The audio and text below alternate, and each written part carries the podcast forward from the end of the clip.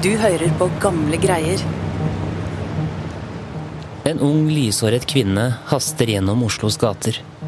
Hun ser hele tiden fra høyre til venstre og bak seg. Skjult på kroppen har hun dokumenter med informasjon om tyskernes bevegelser i Norge, som skal avleveres i en hemmelig postkasse og videreføres til overkommandoen i London. Den unge studenten, som ser uskyldig ut, har en livsfarlig jobb.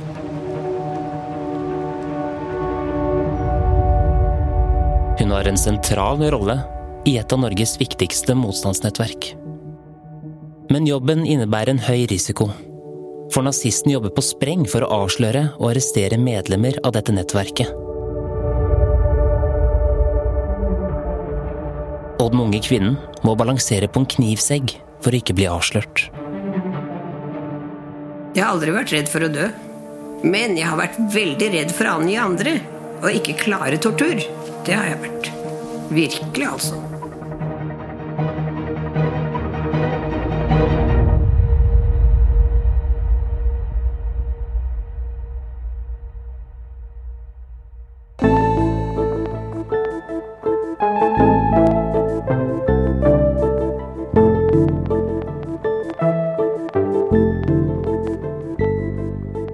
Du hører på Gamle greier, en historiepodkast fra Nasjonalbiblioteket. Jeg heter Lars Hammeren Risberg.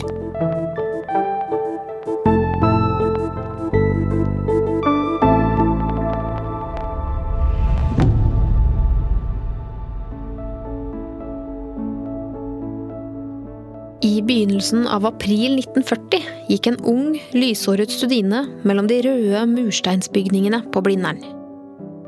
Hun het Anne Sofie Østvedt og var en av få kvinner på realfag blant alle de mannlige studentene. Live Fele Nilsen, historiker og journalist på Nasjonalbiblioteket. Hun var nemlig oppvokst i et hjem hvor både mor og far hadde utdannelse. Så selv om de fleste kvinner på hennes alder valgte livet som husmor, så hadde hun ikke vært redd for å velge den akademiske veien. På Blindern fikk den unge studinen bryne seg på vanskelige realfagsoppgaver og interessante faglige diskusjoner med de andre studentene.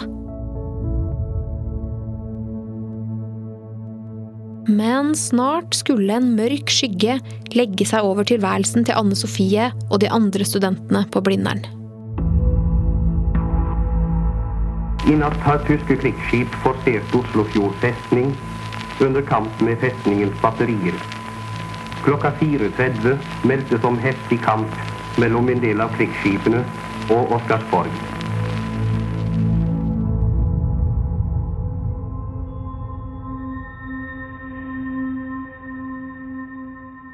Da nazistene marsjerte inn i Oslo den 9. april 1940 og tok over universitetets aula, var det mange studenter som reagerte. Dette var jo et regime som ikke bare ville kontrollere og manipulere forskning og undervisning, men som også mente at kvinner hørte hjemme på kjøkkenet som mødre, heller enn på universitetet. Mange ble redde og ville flykte ut av sentrum. Men Anne Sofie bestemte seg for at hun heller ville bidra i motstandsarbeidet. Så ganske raskt begynte hun å se seg om etter oppgaver der hun kunne uttrykke motstand. Hun fikk kontakt med en motstandsgruppe på Blindern og begynte å hjelpe til med produksjonen av den illegale avisen Eidsvoll. Hun fotograferte, hun hjalp til med trykkingen, og når avisa var ferdig, så tok hun den med seg og fordelte den rundt. Og en dag skulle det illegale arbeidet bli en enda større del av livet hennes. Medstudent Eilif Dahl spurte nemlig Anne Sofie om hun kunne tenke seg å få opplæring som kurer og utføre oppdrag. En kurer det er altså en eh, budbringer, så denne medstudenten han ville rett og slett ha med Anne Sofie på å frakte illegale beskjeder. Ja, blant annet. Og Eilif han hadde en viktig rolle i den hemmelige norske etterretningstjenesten EXU, som samlet informasjon om alt tyskerne foretok seg i Norge. Han hadde lagt merke til Anne Sofie og tenkt at den blonde studenten, som så yngre ut enn det hun var, kunne egne seg som kurer. Hvem ville vel mistenke henne for å drive med illegal virksomhet? Anne Sofie skjønte at hvis hun ble kurer, så kunne det være livsfarlig, og da måtte hun holde arbeidet strengt hemmelig og ikke si noe til verken søsteren Elisabeth, som hun bodde med, eller til resten av familien som hun hadde et nært forhold til. Men hun ville gjerne bidra til motstandskampen i Norge, og takket ja og lot seg verve.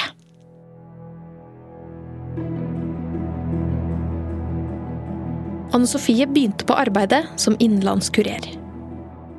Hun reiste rundt på Østlandet og hentet og brakte med seg informasjon teipet på magen eller gjemt i bh-en, som enten skulle til organisasjonen XU, eller til Sverige, og fra Sverige og over til regjeringen i London. Hun visste sjelden hvem de hun samarbeidet med, var. Jo mindre man visste, desto mindre kunne man røpe dersom man ble tatt. Det var det tryggeste. Hun visste at dersom hun ble tatt av Gestapo, ville de bruke alle midler for å få ut så mye informasjon som mulig, gjennom avhør og gjerne tortur. I verste fall kunne hun bli skutt på stedet. Den unge studenten beviste raskt at hun var en dyktig agent. Hun ble betrodd stadig mer risikofylte oppgaver. Gradvis ble hun innviet i organisasjonen, som hun etter hvert skjønte at var den viktige organisasjonen XU, som lå under Forsvarets hovedkommando i London, med Sverige som bindeledd. Vi samlet inn opplysninger om alt eh, som kunne ha interesse for London. Både eh, militære og ikke-militære opplysninger.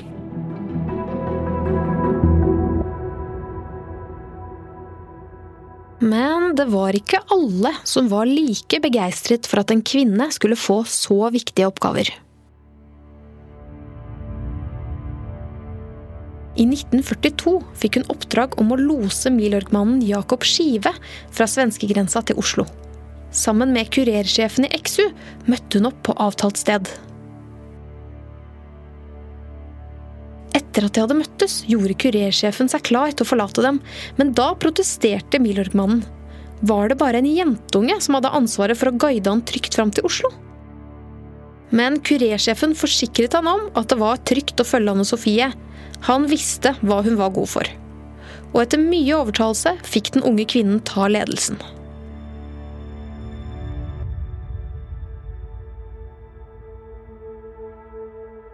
Anne Sofies foreldre bodde på denne tiden nord for Kongsvinger, så det var en lommekjent Anne Sofie som loset dem sikkert gjennom det flate landskapet i grensetraktene. Deretter sørget hun for et trygt overnattingssted hos en familie hun kjente. Og siste etappe gikk med melkebil inn mot Oslo.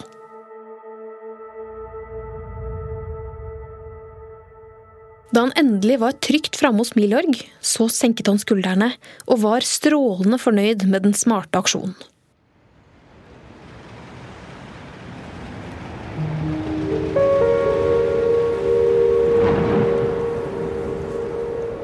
Nå var hun dypt inne i det hemmelige arbeidet, og det preget hele tilværelsen til Anne Sofie.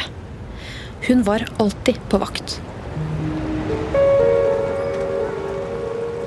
Når hun var ute og gikk, beveget hun seg nesten som et dyr som været rundt seg og fulgte intenst med på omgivelsene. Hun likte ikke våpen, men hun hadde alltid med seg en giftpille i tilfelle hun ble arrestert. Hun ville heller putte giftpillen i munnen og bite til enn å risikere å angi noen under tortur.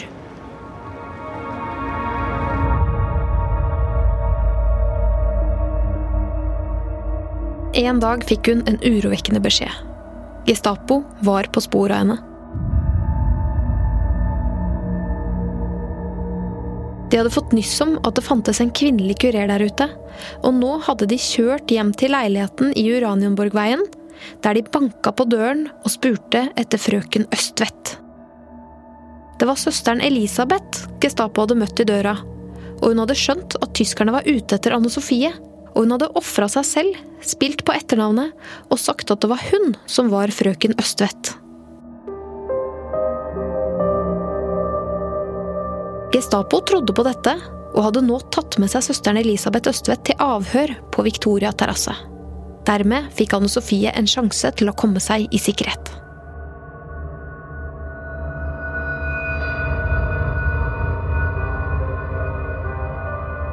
Under avhøret av søsteren Elisabeth fant jo Gestapo etter hvert ut av at det ikke var den rette frøken Østvedt de hadde arrestert.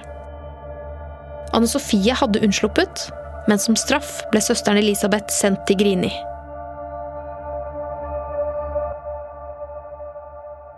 Gestapo hadde vært så nærme å ta Anne Sofie, og det hadde gått utover familien. Hvis Anne Sofie skulle fortsette motstandsarbeidet, og det var hun fast bestemt på, så måtte hun finne en måte å skåne familien på. Og sammen med organisasjonen la hun en plan.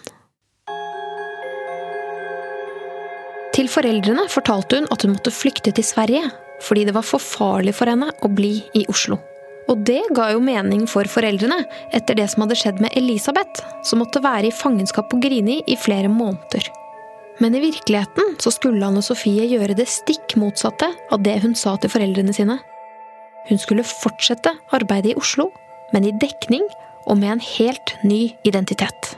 En dag gikk derfor Anne Sofie til en frisørsalong i Louises gate, like ved Bislett stadion i Oslo. Jeg hadde veldig lyst hår og farveløse vipper og bryn, så jeg farvet vipper og bryn og farvet håret, så da så jeg helt annerledes ut. Da jeg skulle ha klær, så velge Alle de klærne jeg likte, de ble vraket. Og alt det jeg ikke likte, det måtte jeg bruke. For det var sånne ting som jeg ikke ville valgt, og derfor ikke så ut som meg.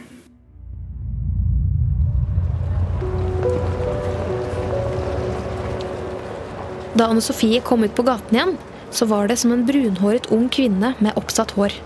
Ikke som en lyshåret ungpike. Nå var hun nærmest ugjenkjennelig. Hun var klar for det nye livet i skjul.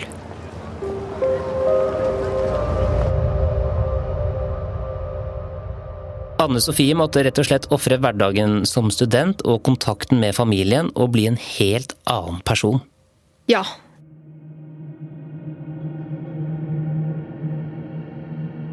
Hun tok dekknavnet Åse Berge og flyttet inn i et lite hus i Geitmyrsveien 48B. Der skulle hun bo sammen med en mann som ble kalt for Oddvar Berge, som liksom skulle være hennes ektemann.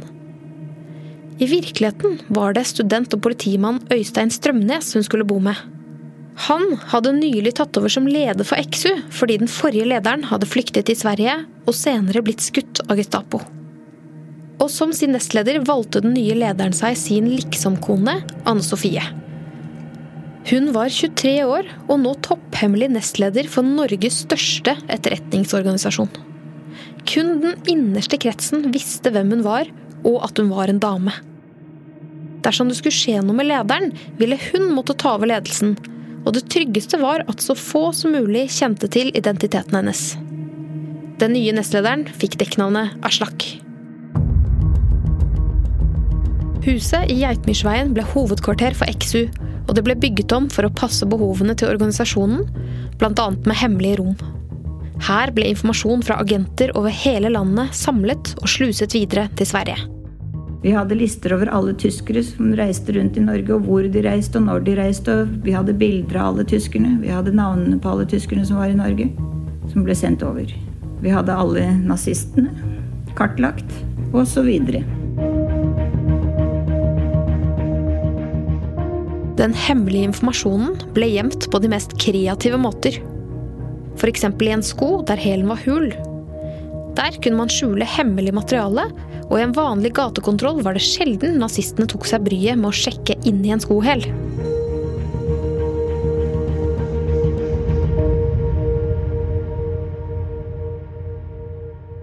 Med jevne mellomrom sendte Anne Sofie brev til familien og forsikret dem om at hun hadde det bra.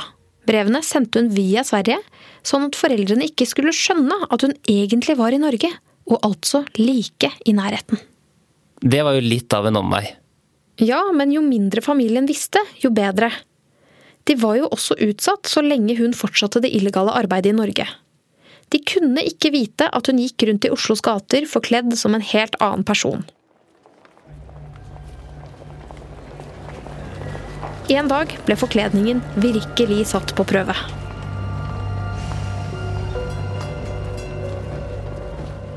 Anne Sofie var på vei til et møte og hoppet på den blå trikken. Det var en ekstra travel dag og mange mennesker om bord. Vanligvis ville hun bare ha stått på brettet bakerst på trikken, men der var det ikke plass, så hun måtte gå inn i selve trikken. Og det var flere mennesker som ville på, og hun ble dyttet videre innover og mot en mann som sto der. Da hun tittet opp, så hun rett på et ansikt hun kjente. Det var hennes egen far.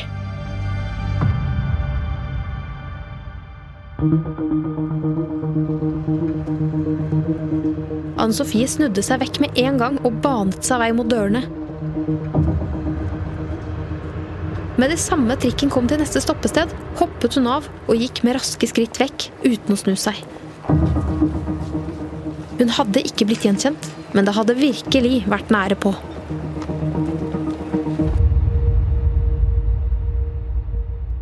Og ikke nok med at hun risikerte at hennes egen familie kunne kjenne henne igjen. Det var jo mye som kunne gå galt for Anne Sofie og resten av ledelsen i Exu. Ja, det de holdt på med, var farlig. Men det var jo ikke til å unngå. Og Anne Sofie kunne ikke stenge seg helt inne hvis hun skulle få gjort det som var nødvendig.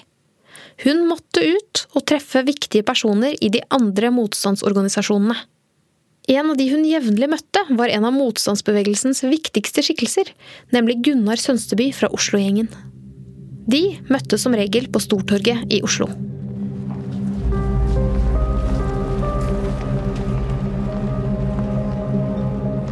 Først gikk Anne Sofie til et hjørne av torget for å få overblikk og være sikker på at ingen fulgte etter henne.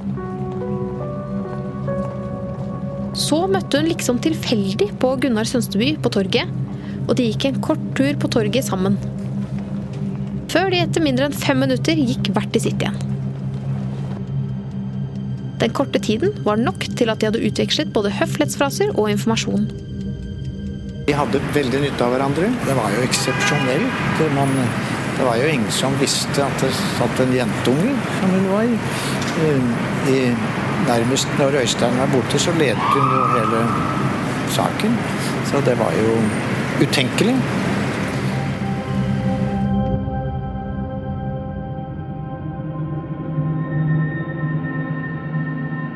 Ansvaret eksu-nestlederen og hennes falske ektemann satt med nå, var enormt. Store mengder med informasjon kom til hovedkvarteret i Geitemyrsveien.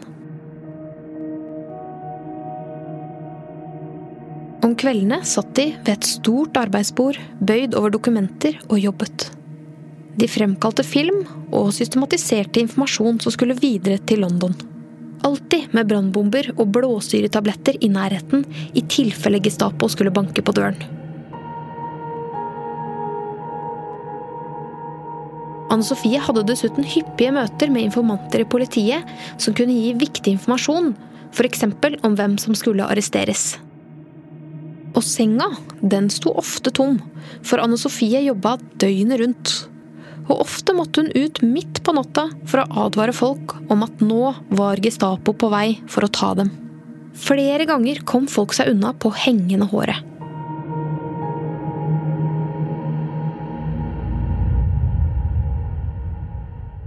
Men så hardt arbeid uten hvile må jo ha satt sine spor? Ja. Sånt tærer på i lengden.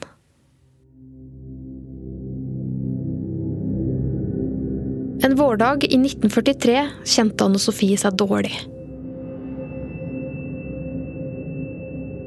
Hun kjente seg varm, og skjønte etter hvert at hun hadde fått feber. Dagen etter var hun enda verre. Halsen hadde begynt å snøre seg sammen, slik at hun verken kunne snakke eller svelge. Og noen av symptomene hun fikk, skilte seg fra en vanlig forkjølelse. Fingrene og neglene fikk en blålig farge.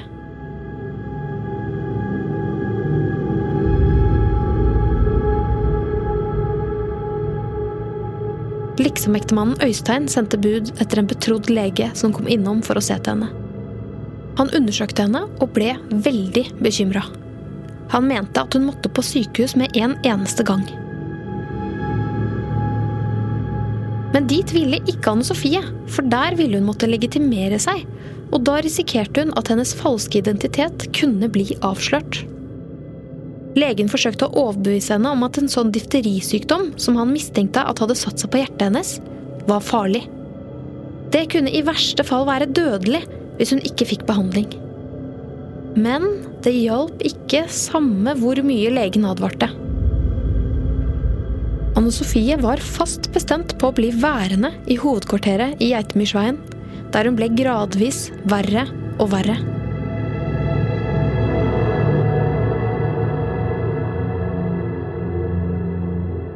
Hun var bare 23 år gammel, og nå lå hun for døden.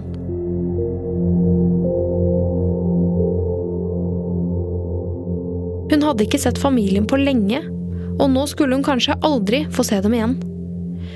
Likevel nekta hun å sende noen som helst form for beskjed. Det ville bare kunne sette dem i fare. En dag da hun lå i senga og svevde mellom liv og død, hørte hun Øystein og legen snakke.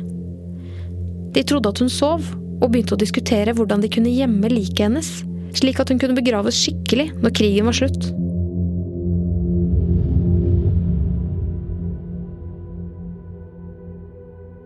Men så skjedde underet. Litt etter litt begynte feberen å avta. Snart kunne hun sette seg opp i senga. Etter hvert kunne hun til og med stå opp og bevege seg litt rundt. Det ingen hadde trodd var mulig, hadde skjedd. Anne Sofie hadde overlevd mot alle odds.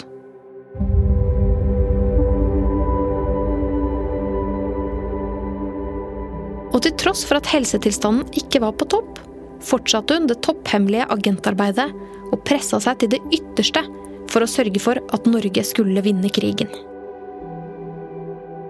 Hun forble nestleder i XU helt til de 8. mai 1945 hørte den samme meldingen som resten av Norge gjorde. Vi er fri, det er fred. Et Norge i tindrende glede har feiret sin gjenfødte frihet i disse hektiske dagene. Vi har jublet ut i den gryende vår alle de lengsler og håp hver norsk kvinne og mann har båret i sitt hjerte. Undertrykkelsens endeløse år er forbi.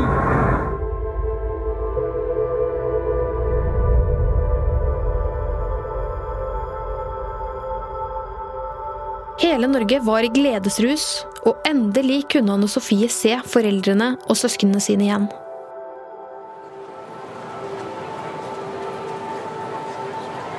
Gatene i Oslo var fulle av glade mennesker som feira freden med flagg og jubelrop.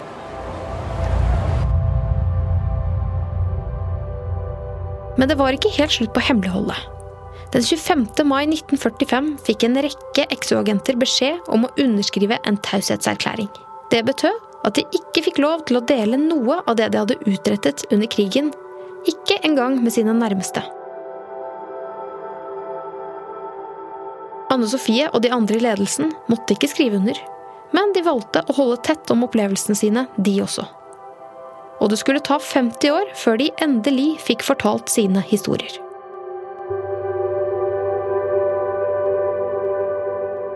Vi fikk jo ikke lov til å snakke. Derfor tror jeg det er blitt altfor lite sagt om dette. Så jeg syns alle de som har lyst til nå å kontakte noen og snakke om det, skal få lov til å gjøre det.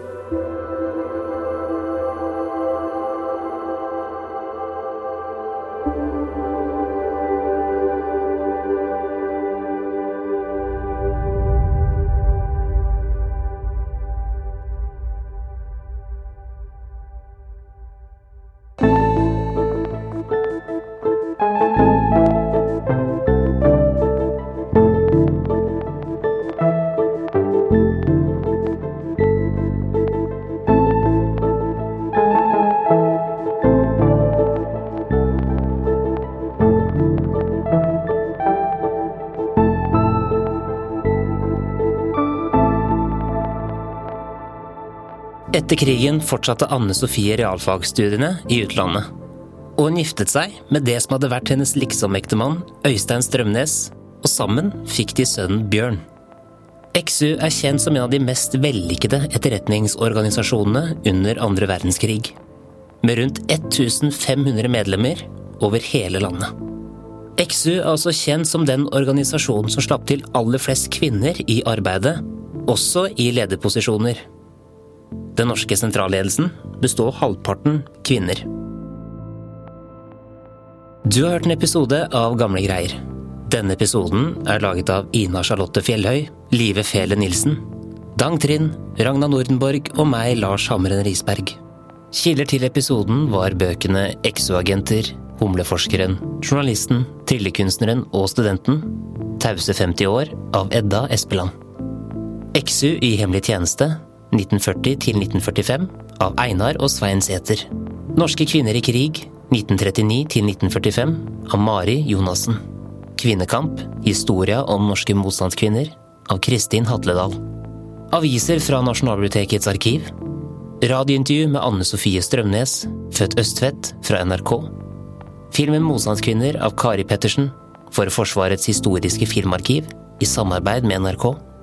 Lydklippene du hørte, er hentet fra filmen Motstandskvinner, NRK Radio og Nasjonalbibliotekets arkiv.